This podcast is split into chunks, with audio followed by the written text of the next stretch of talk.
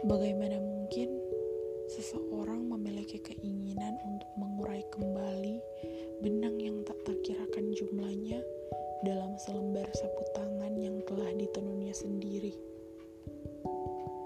Bagaimana mungkin seseorang bisa mendadak terbebaskan dari jaringan benang yang susun bersusun silang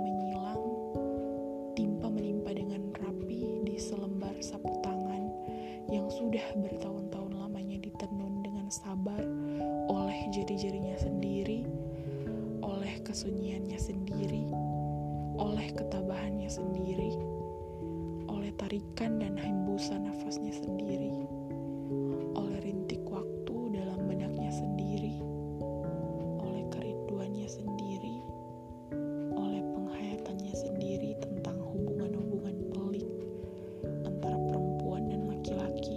yang tinggal di sebuah ruangan kedap suara yang bernama kasih sayang.